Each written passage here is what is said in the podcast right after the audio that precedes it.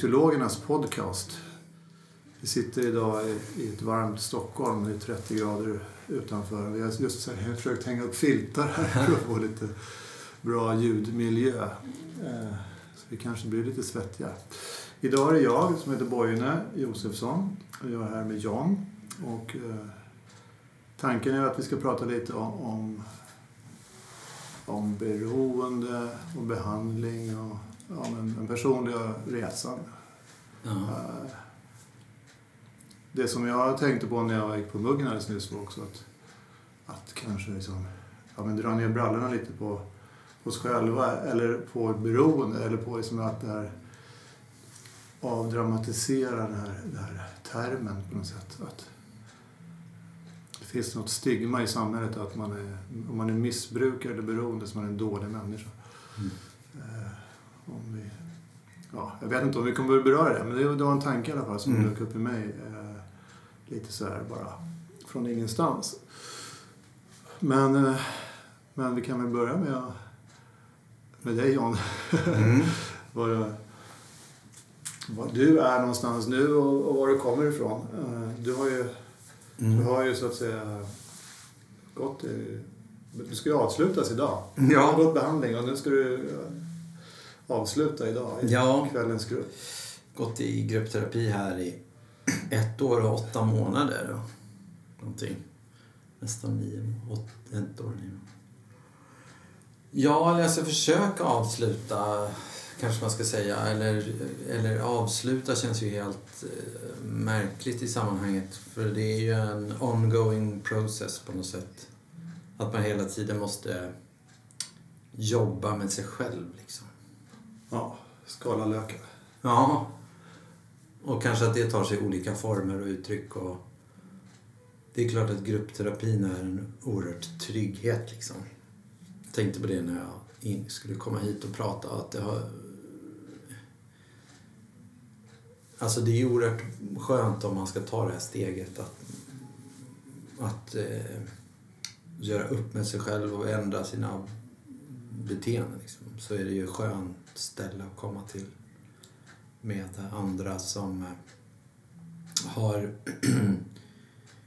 alltså det är, så, det är som full förståelse och eh, omhändertagande för att, eh, och icke-dömande liksom. Och det har ju varit skönt. Apropå det du sa där med... Just det. Man är en missbrukare, så att säga man lägre stående på något sätt. Det är...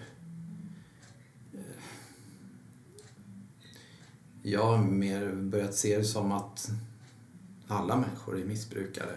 Mer eller mindre. Och de som inte är det, ja men good luck på något sätt. Det, men de är ganska få egentligen som är helt rena från om vi nu pratar alla möjliga missbruk. Vad är vi rena från? Vad är det egentligen som, om man skulle försöka definiera det? Nu har jag inte ens tänkt igenom det här själv, men om man...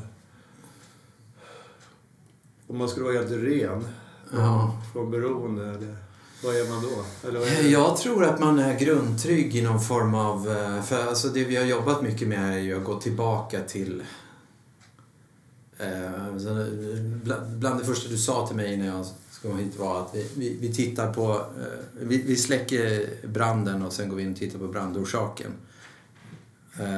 Och vi har tittat väldigt mycket på brandorsakerna i mitt fall då. Eller, och då, och, och då, då tror jag att, eh, eller du har också sagt att eh, de flesta orsakerna, om man gräver det, handlar om ens, ens uppväxt och ens relation till ens föräldrar och och, ens, och no, i många, många fall att någon form av trauma som man inte riktigt vet heller att man har varit med om och som styr en väldigt mycket. Och som har styrt in en i ett beroende av olika saker.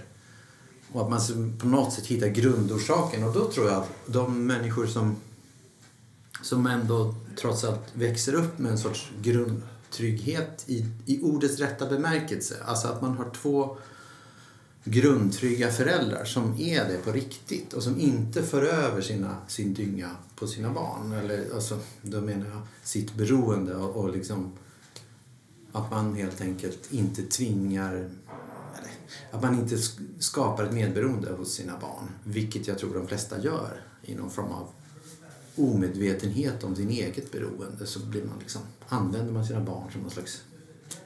Det känner jag själv att jag gör. Jag har två döttrar och att jag liksom... När jag inte riktigt orkar, då är det lättare att gå in i den här... Nej men, gör som jag säger. Gör, vad gör ni? Hallå? Och vara liksom så sträng och arg och... Ja. Fast jag egentligen är frustrerad på något annat och så kan jag inte riktigt hålla i det där. Liksom. Och så skapar man en sorts medberoende hos dem.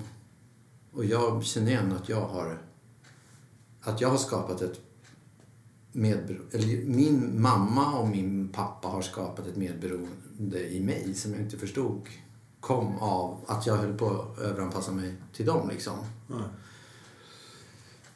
Ja. Kan man säga att... Men vi brukar ju prata om att man överger sig själv. Mm. Och, och man, på något sätt så är det ju också att man... man för du sa att man inte har en bra relation. Det vi inte har är ju inte... Vi har ju ingen relation till oss själva riktigt. Nej. Att det är det, att vi överger oss själva och Mm. vi tappar... Vi har inte en riktig relation till oss själva. Nej. Och därför måste vi också validera oss genom andra och på något sätt söka liksom bekräftelse Mm. och värde genom att spegla oss i andra. Om det är definitionen av grundtrygghet, Ja, kanske. det tror jag. Just det där bekräftelsen från andra kan ju te sig på olika sätt. Liksom. Att ja, om jag köper den här fina väskan eller om jag ser bra ut eller om eh, jag kan ha den här statusen eller det är ju också en drog liksom. Jag tror att det kokar ner till bekräfta mig liksom. Ja. att, och att frånvaron av det i barndomen gör att man liksom springer hur var det för dig då? Ja, för mig var det ju väldigt trångt om, om det här med bekräftelse i min familj för att eh, jag tror att mina föräldrar själva hade vuxit upp med att sakna eh, att få utrymme när de var små. Att de väldigt tidigt fick ta...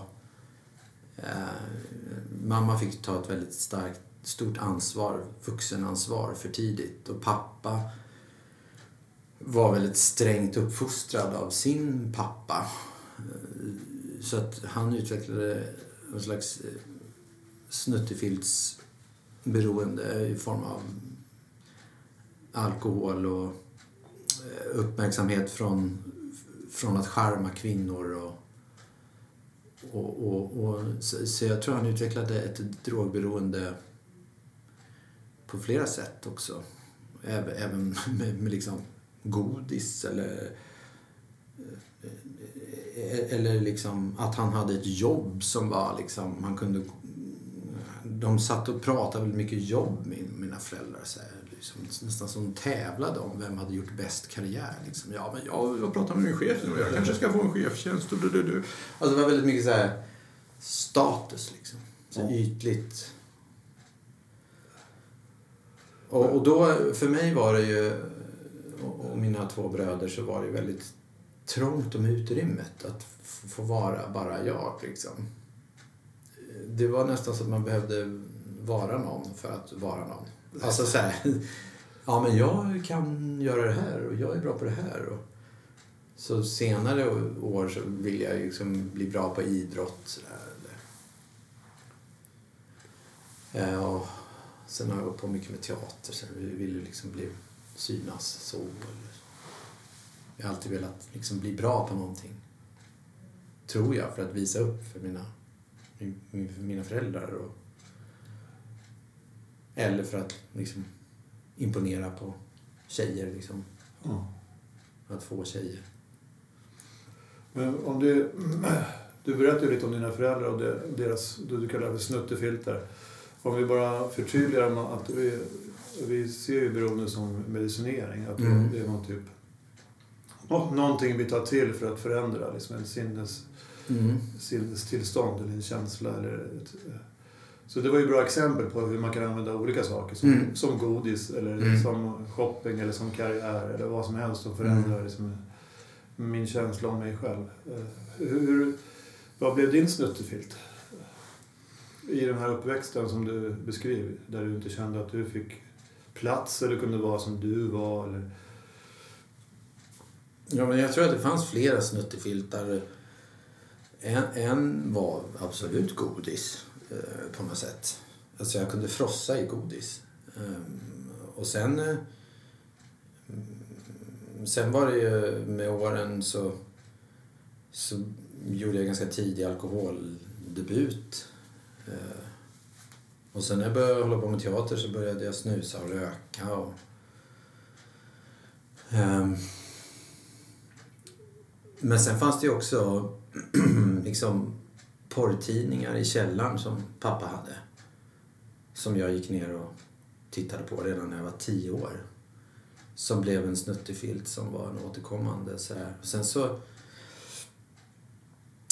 Sen så tittade jag på porrtidningar med kompisar och sen vi till och med träffades och, och liksom satt och tittade på dem och, och onanerade tillsammans. Och, alltså det blev en väldigt, det blev en väldigt tydlig drog som på något sätt jag uppfattade som sanktionerad som, för mig som pojke. För alla gjorde det. Det fanns det. Pappa hade det. Just. Kompisarna hade det. Det var liksom... Jaha, är det så man ska göra liksom? Men eh, samtidigt så var det skamlöst. Alltså var det, var det det var inte skamlöst, det var det absolut inte. Det var väldigt skamfyllt att gå ner till källaren där och liksom... Eh, det var ju verkligen en egen liten liksom vrå som jag hade. Ett, ett, ett, ett, eh, en bubbla jag gick in i för mig själv. Och det var ju otroligt liksom, både spännande men väldigt skamfyllt efteråt. Liksom. Och jag fattar än idag inte, alltså när jag gjorde det med andra. Det känns jävligt skamfyllt. Framförallt när jag tänker på det som vuxen. Men då var det säkert också det. Men då var det som att det var... Man var partners in crime på något sätt. Så att det var liksom... Ja. Men jag tänker på resten med skammen. Alltså det, om vi, om vi håller på att definiera de här olika snuttefiltarna eller de här Mm. olika beroenden så är det ju... Men, godis, ja det kan vara lite skamfyllt men det, är inte så att det liksom, man Ja, man kan ju för sig smyga med det ibland men, men det, är, det är ändå inte så här att man är, blir inte liksom utsatt på gatan för att man käkar mycket godis. Eller, och framförallt inte om man, om man blir duktig på saker och ting. Om man blir karriär. Nej men precis. Och det är både med godis och alkohol, om man håller det till en viss nivå så är det ingen, ingen skam alls nästan i det. Nej. Det är ju mer om man frossar i det och Ja. tappar vikten eller, eller blir alkoholist. Liksom. Då, Ja, då är det då skamfyllt. blir Liksom. konsekvenserna också tydliga. Men jag tänker på just sex eller porr eller liksom det där. Där blir det nästan så att vi är i skamvrån från början. På en gång, ja. Ja. Det är väldigt skamfyllt. Man brukar ju prata om det. Har en term som vi kallar för ensamhetens sjukdom. Just, just för att vara medicinera sig med sex på olika sätt. Det, det är ju det sista man släpper liksom, Mm. till omvärlden. Mm. Ja, Och, så är det verkligen. Att det är omgärdat med skam. Både att det kommer inifrån och utifrån på något sätt. Med, med att titta på, på, på porr eller överhuvudtaget liksom det här sexköpsområdet som man säger. Um, alltså nu utvecklade jag aldrig någon sån eh, vad ska man säga, beroende. Så att jag hamnade i sexköp och så. Men det är ju på något sätt samma mekanismer. eh, Att man, att man liksom går in i sin egen, eh, som du säger, ensamhet och, och medicinerar sig.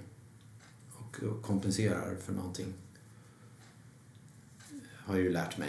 Mm, ja. ja, det blir ju oftast någon dubbel, dubbel isolering. Alltså vi, vi känner oss ensamma och, och oförstådda när vi inte liksom får, om, man, om vi inte kan vara oss själva i, i uppväxten. Mm. Vi måste anpassa oss. Det blir ju liksom en känsla att jag är, jag är någonting separerat från omvärlden. Alltså jag är inte tillräcklig, jag är inte okej, jag, är Mm. inte- eller jag är dålig eller ja, jag är tråkig eller vad, vad jag nu har för liksom, Mm. tankar om mig själv. Men sen när vi går in i, liksom i använder en medicin som inte är okej, då blir det liksom dubbel skam. Alltså det blir ännu Ja. mer isolering. Det blir liksom dubbla lager på något sätt. Och, och, och det går ju någonstans inte att komma ifrån att det finns en moralisk aspekt i att konsumera sex, så att säga. Alltså när det kommer till porr och sexhandel och sådär. Så det är klart att det finns en moralisk aspekt i det. Och den, Ja. den eh, är man ju med på. Att det är fel. Men då blir det nästan ännu svårare att begripa varför håller man på med något av det. Eh, Men man behöver nästan förstå att, liksom, att, att det är beroendet som tar tag i en snarare än den moraliska aspekten. För de, beroendet är starkare än ens, än, än ens moraliska liksom, kompass. Eller blir, kan bli det. Ja. Alltså i all, egentligen med alla droger. Men det är klart att det finns en, en eh, också en moralisk eh, och, och um, värderingsmässig aspekt på det här med att det är kvinnoförnedrande, helt enkelt. Eh, eller blir det när det kommer till att konsumera sex. Alltså att, inte, att ha sex i samtycke. Och det är ju ytterligare försvårande omständighet att, att, att det finns att, så att säga det finns ju bra sex också som är kopplat till intimitet och en relation och kärlek. Liksom. Och då blir man ju ännu mer förvirrad i huvudet som, som en beroende person. När, man, när, när, när liksom man ska försöka behålla det som är bra med sex men ta bort det som är, har kommit av ett beroende. Mm. Eh, Och det är en viktig uppdelning. Sådär. Och då, men allt det där grötas ihop för man, man känner sig så skamfylld när man har så att säga, varit en del av sexhandeln på något sätt. Och sen så samtidigt in, inte fattat att man har dragits in i det på något sätt. Man var ju liksom en liten pojke när man började titta på porrtidningar. Liksom. Jag tänker om, om man ska försöka liksom lätta lite på den här skammen så, så är min, min upplevelse är ju att det finns ju ingen vettig människa som skulle välja ett beroende om man hade ett val. Alltså, vem skulle välja att bli alkoholist eller vem Nej. skulle välja att bli narkoman om, Mm. om valfriheten står, står på, på menyn så att Mm. säga. Nej. Så det finns ju någonting... Och det är väl det, där känns att det kanske finns ett stigmatiserande på, på beroende utifrån. Mm. Ja, men skärp dig, sluta. Liksom det, Ja, det är den... Det, man tror att, eller tänker att det är en, en karaktärsdefekt eller att det är en, en viljeakt på något sätt. Men, men det har ju liksom på något sätt redan etablerats långt tidigare. Så att vi har ju nästan passerat den här valfrihetsståndpunkten. Men det blir ju, det blir ju den här valhäntheten som du beskriver. Mm. När, jag, när jag ändå gör saker som Mm. jag, som jag tyck, själv tycker är moraliskt Mm. förkastligt på Mm. något sätt. Det blir, det blir ännu mer skam i mig då. Ja. Det blir ännu mer liksom, känsla att jag inte är okej. Eh, Som är svår liksom, att bryta.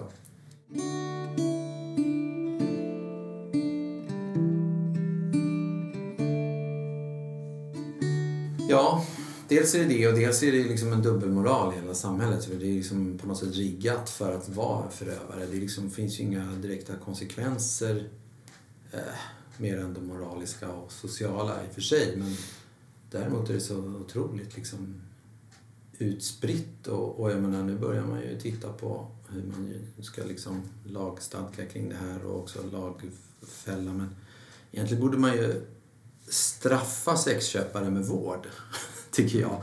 Men det är liksom så himla kontraproduktivt att straffa någon. Jag menar, det ska ju absolut sluta. Men, och jag är den första att säga att liksom porr borde totalförbjudas. Men, men det är ju som du säger, det är inte så enkelt. Man, man borde ju liksom göra rätt istället för att bara moralisera. Och, då se på problemet. Ja, men problemet är väl att det är massa män som mår dåligt. Så man behöver ju liksom... Alltså det är en folksjukdom med, med, med, att män inte kan prata känslor, tänker jag.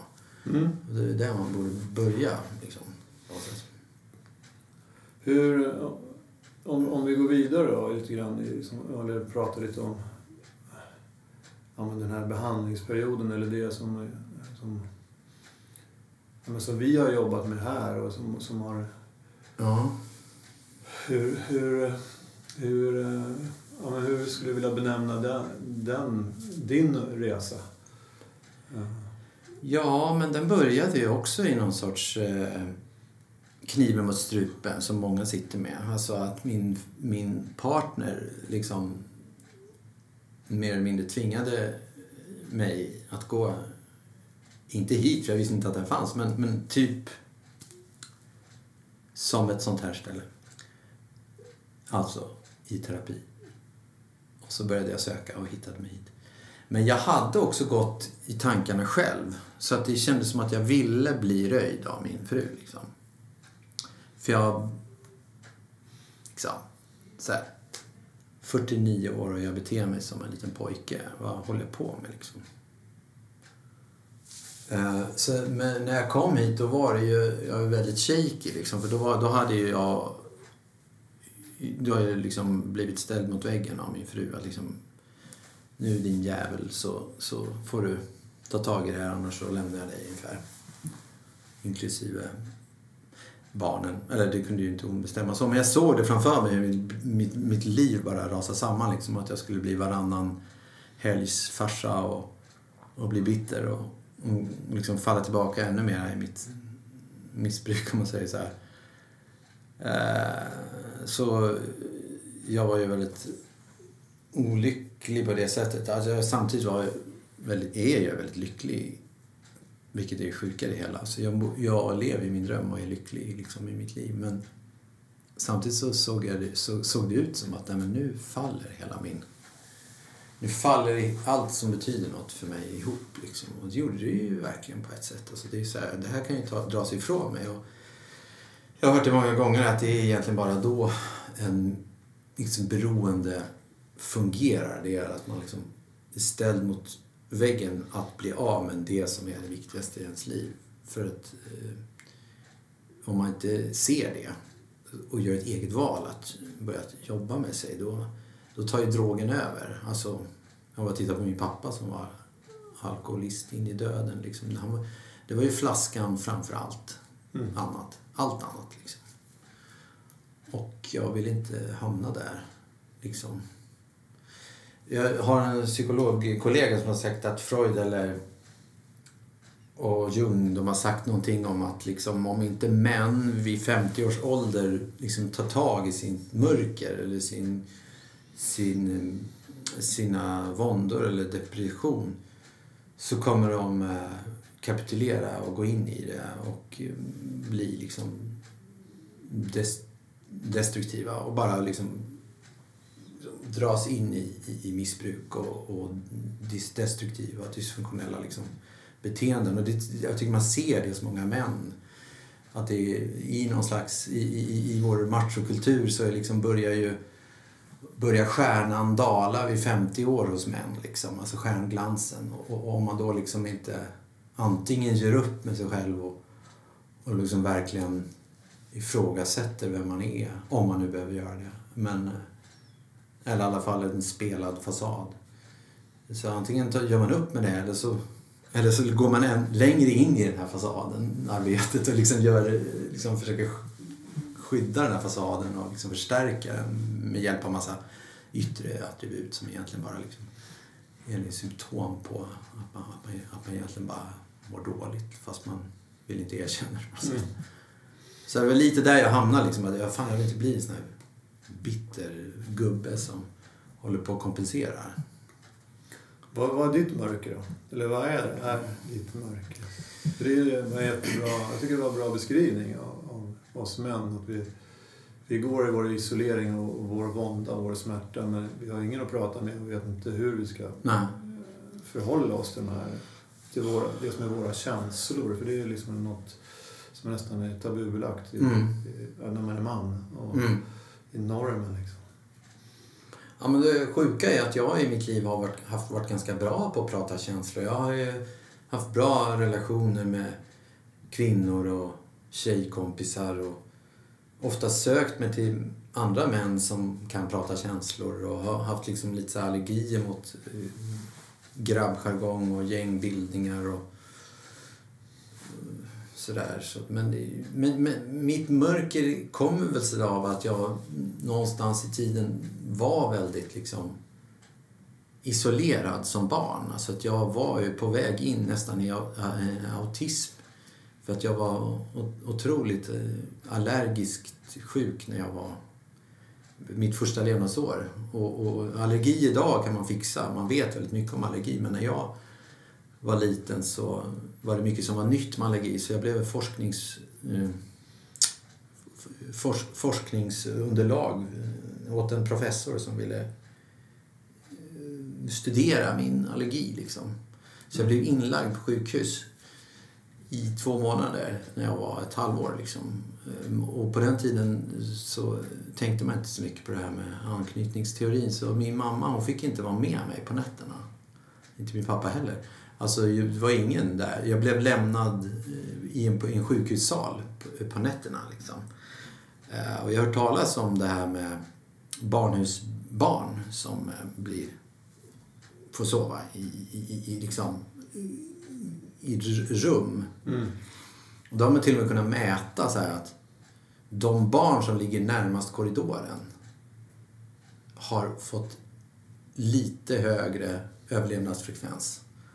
För att de har fått lite mera kontakt bara av att eh, föreståndarna gått förbi i korridoren. De har känt av den närheten. Vilket de längre in i rummet inte kände. Så någonstans tror jag att det, där började mitt mörker. Att jag hamnade ensam på en sjukhussal. Och min, när, när, när, när de avslutade det här experimentet så, och de lämnade över mig till mamma, då var det sommar. Då, då, då var jag ett år. Liksom. Då var det så här, ja, nu lämnar vi över honom till dig. Eller det var efter min mammas liksom, enträgna eh, tjatan om att nej men jag vill inte gå med på det här längre. Jag, jag vill ta, ta hand om min egen son. Mm. Ja men eh, nu hänger det på dig här. Alltså, det är ju 50-50 om han ska gå in i total isolering och bli autistisk. För han verkar ju helt svår att nå. Liksom. Så hon fick kämpa säkert ett år med att liksom vara jätteintensiv i, i kontakten. Och hon sa det, jag log inte på ett år. Liksom. Mm. Hur tänker du att det har, har påverkat dig? Mm. Nej, men jag tror att det har förföljt mig hela livet eh, och att det nu någonstans har kommit ikapp mig en förståelse för det här. Att det sitter i min personlighet, att jag hela tiden har känt mig utanför. Mm. Och ensam och lämnad. Och sen har det liksom bekräftat sig själv på något sätt. Så att jag, mm. Även när jag blev lite äldre, så, men som barn så var jag ändå liksom, jag var lite efter och jag var lite sen och jag var lite inne i mig själv och har varit väldigt introvert. Liksom. Mm. Och har ju förstått nu, jag jobbar ju delvis med det, alltså med psykologiska tester och sådär. Så jag har förstått att jag är introvert liksom av min, i min preferens. Så. Men det här var ju, höll ju på att bli någonting sjukligt, eller var någonting mm. sjukligt. Och absolut utvecklade det sig till, till, till ett beroendesjukdomstillstånd. Som mer har, liksom jag på något sätt har hållit i schack. Men å andra sidan i vissa stunder, alltså i min sena tonårstid eller min eh, kring när jag var 25-30 då var jag ju otroligt liksom så här, så lösaktig. Jag var ute och festade och liksom hade många partners, inte samtidigt men nästan. Alltså så här bytte, alltså jag var väldigt sexualiserad i min mm. jakt på kvinnor liksom. Det tolkar jag absolut som en sorts så att säga kompenserande av att jag känner mig liksom ensam. Mm. Jag tänker att, att den här känslan av ensamhet, den är ju liksom... Uh, kan ju ge sig olika uttryck i, i olika... Alltså vi, vi, vi, lever i en verklighet där vi, där vi är, liksom, vår uppfattning att vi är ensamma och isolerade. Men vi längtar ju efter kontakt. Mm. Det finns ju en längtan och, och då blir det ju alltså, när, när vi inte har riktigt förmågan kanske att, lita på, på människor och, och gemenskap. Alltså, gemenskap genom att jag är, är mig själv och mm. är transparent. Mm. Så blir ju liksom kompensationen blir ju att jag försöker vara någonting så att jag ska få mm. någonting. Mm. Alltså jag ju, mm. det är ju det som är den här, att vi anpassar oss eller överger oss själva. Att, att jag går in i liksom det här ja, men, spelet. Mm. Så att jag, jag känner att jag liksom uppgraderar mig så att jag fungerar i Mm. relation till dig. Så att Mm. jag talar det språket du förstår och jag Mm. agerar så att du ska tycka att jag är en sympatisk människa. För då ser jag det i, i din spegelbild, Mm. eller jag får en spegelbild av dig, att du okejar mig. Mm. Och först då blir jag liksom okej på något sätt. Mm. Innan dess är jag inte okej, för i mig själv är jag inte okej. Mm. Och jag tänker att det blir så tydligt. Jag tycker att du har berättat det så fint. För, det, för i min värld är det precis samma. Alltså vi ärver från generation från generation. Mm. Det kommer med modersmjölken. Det, kommer liksom, det sitter nästan i vårt DNA. Mm. Alltså våra förfäders skam, eller deras brister, deras Mm. oförmåga. Mm. Och det är ju det som sitter liksom, som ett imprint i oss. Och, och vare sig vi vill eller inte så, så är ju det så vi liksom projicerar ut Mm. hur vi ser andra människor, och oss själva och världen. Mm. Det, det, är ju, det är helt omöjligt att frigöra sig från det. Men sen har jag också egna erfarenheter av livet. Att Mm. livet blir liksom, ja men, läskigt. Alltså jag, och din sjukhusupplevelse såklart att den, den har ju förstärkt den här. Alltså det är ytterligare en, ett, ett imprint som ligger på att världen är jävligt läskigt och jag kommer bli övergiven. Jag är övergiven. Och utifrån det så, så skaffar jag nya erfarenheter. Mm. Det är klart att de blir, de blir ju liksom i förhållande till det jag har. Alltså jag kan inte... Det är väldigt svårt för mig att, att tänka nytt. Liksom. Eller, eftersom Mm. jag har det här filtret, jag Mm. har det här imprintet så är det det jag får. Mm. Alltså det är det jag letar efter. Där känner jag igen mig. Det är Ja. det som känns bekant. Mm. Så att jag tänker att valfriheten är inte så himla stor. Inte så stor som folk tror att den är. Jag jobbar mycket med så här, att intervjua folk och få dem att liksom eh, jobba med sig själva och sin egen självbild och sin utveckling och sådär. Och det är väldigt många som liksom säger väldigt så här. Ja, men det är ju så att. Mm. Fast de egentligen menar, för mig är det så att. Ja. Så att man gör ju väldigt mycket sin sanning av det man ser och det man upplevt. Och så. Och när jag säger imprint så tycker jag det är så väldigt bra bild för att eh, man brukar säga att man kommer inte ihåg någonting av vad man har varit med om eh, fram till tre fyra års ålder. Och, och det är då det blir imprint. Det är då det sätter sig så hårt. Just för att man inte kommer ihåg det. För att det man själv liksom kan komma ihåg eller det man själv kan uppfatta, det kan man ju kontrollera. Men det är ju just det där, det som man har uppfattat som en sanning eh, som man själv inte har förstått att det har blivit en imprint, alltså en påverkan på en som man själv inte styr över. Mm. Eh, när man inte var medveten om att man fick det. det. Det är då man inte kan kontrollera det och det är då man blir så fast i sin självbild. Alla blir fast i sin självbild. Ja. Men det är därför jag också menar att det blir väldigt viktigt det här med vad som händer de första åren. Och därför blir det så viktigt för mig vem, vad jag ska ge mina döttrar liksom, för imprint de första åren. Och nu har ju de precis passerat sina första år så att jag hoppas att jag har gjort ett bra Mm. jobb. Men jag tror att det här är det är en av de starka drivkrafterna för, varit för mig att jag, att, jag, att jag åtminstone ska cut the chain of destruction. Så att säga. Alltså att, som du säger, att man, man går i arv, de här imprinten mm, omformas ju till vanor och ageranden och beroenden som man på något sätt för vidare om man inte förstår att man har dem. Så, Mm. och det, det där vill jag bryta liksom. Att jag inte vill att mina döttrar ska bli medberoende till mitt skit. I alla fall inte så mycket så att de inte kan ordna upp det sen. Eller man liksom- det du pratar om valfrihet. Alltså, Ja, precis. Att de kan välja att jaha, jag blev sån här därför pappa var ju sån. Ja, men då fattar jag. Mm. Istället för att de gör det till en sanning om att de har, är så här och det, man, måste, man, man har inget val. Liksom. Så, så om, man, om man trattar ner det här liksom bara i ett enda ord så kanske det är medvetenhet. Ja. Att i och med att jag uppnår någon medvetenhet om saker och ting så har jag också automatiskt en valfrihet.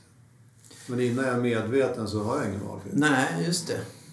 Och, och då, då kommer man ju till det här eh, som vi pratade om tidigare. Att, att eh, man är ju faktiskt eh, fast i, i, i beroende av en drog om man inte gör ett annat val. Och då sa ju du så här, vad fan, det bara att skärpa till sig och välja något annat. Ja, men då måste, man, då måste det där valet utgå från no, no, någonting som man själv värderar som det ena eller det andra. Just. Som har med mig att göra. Inte som någon annan har bestämt är sant. Så att säga. Jag måste ju förstå själv att den ena vägen är lika sann för mig om jag går den och den andra är lika sann den också. Mm. Alltså, om jag går den där vägen, den ena vägen, då blir jag av med min fru och mina kontakter med mina barn. Det är liksom Ja. hennes, hennes val, en konsekvens. Mm. Om jag går den där vägen så kan mitt liv bli något annat. Och det är jag som måste agera på båda vägarna. Eller jag måste välja väg till att börja med. Så att det är klart att det finns ett val hos oss som är beroende. Men det räcker ju inte med att man bara, nej, ja, jag vill. Ja, men sen då? Alltså, liksom, man måste ju agera på det också så att man förändrar. Ja. Det är ju mycket så här nervtrådar i hjärnan som Ja, ja. säger oss vad som är sant. Och då måste man ju på något sätt lite grann knata upp nya stigar i hjärnan för att få nya sanningar som man säger till sig själv. Man pratar hela tiden med sig själv om vem man är. Och då, man är en klantig eller man är så här, "Åh", eller så är man världsbäst. Alltså så man säger ju alltid saker till sig själv och den som påstår något annat den, den ljuger ju. Alltså man är ju i ständig dialog. Ja, det finns, en observa- det finns någon moderator och observator här uppe Ja. som, som hela tiden bevakar.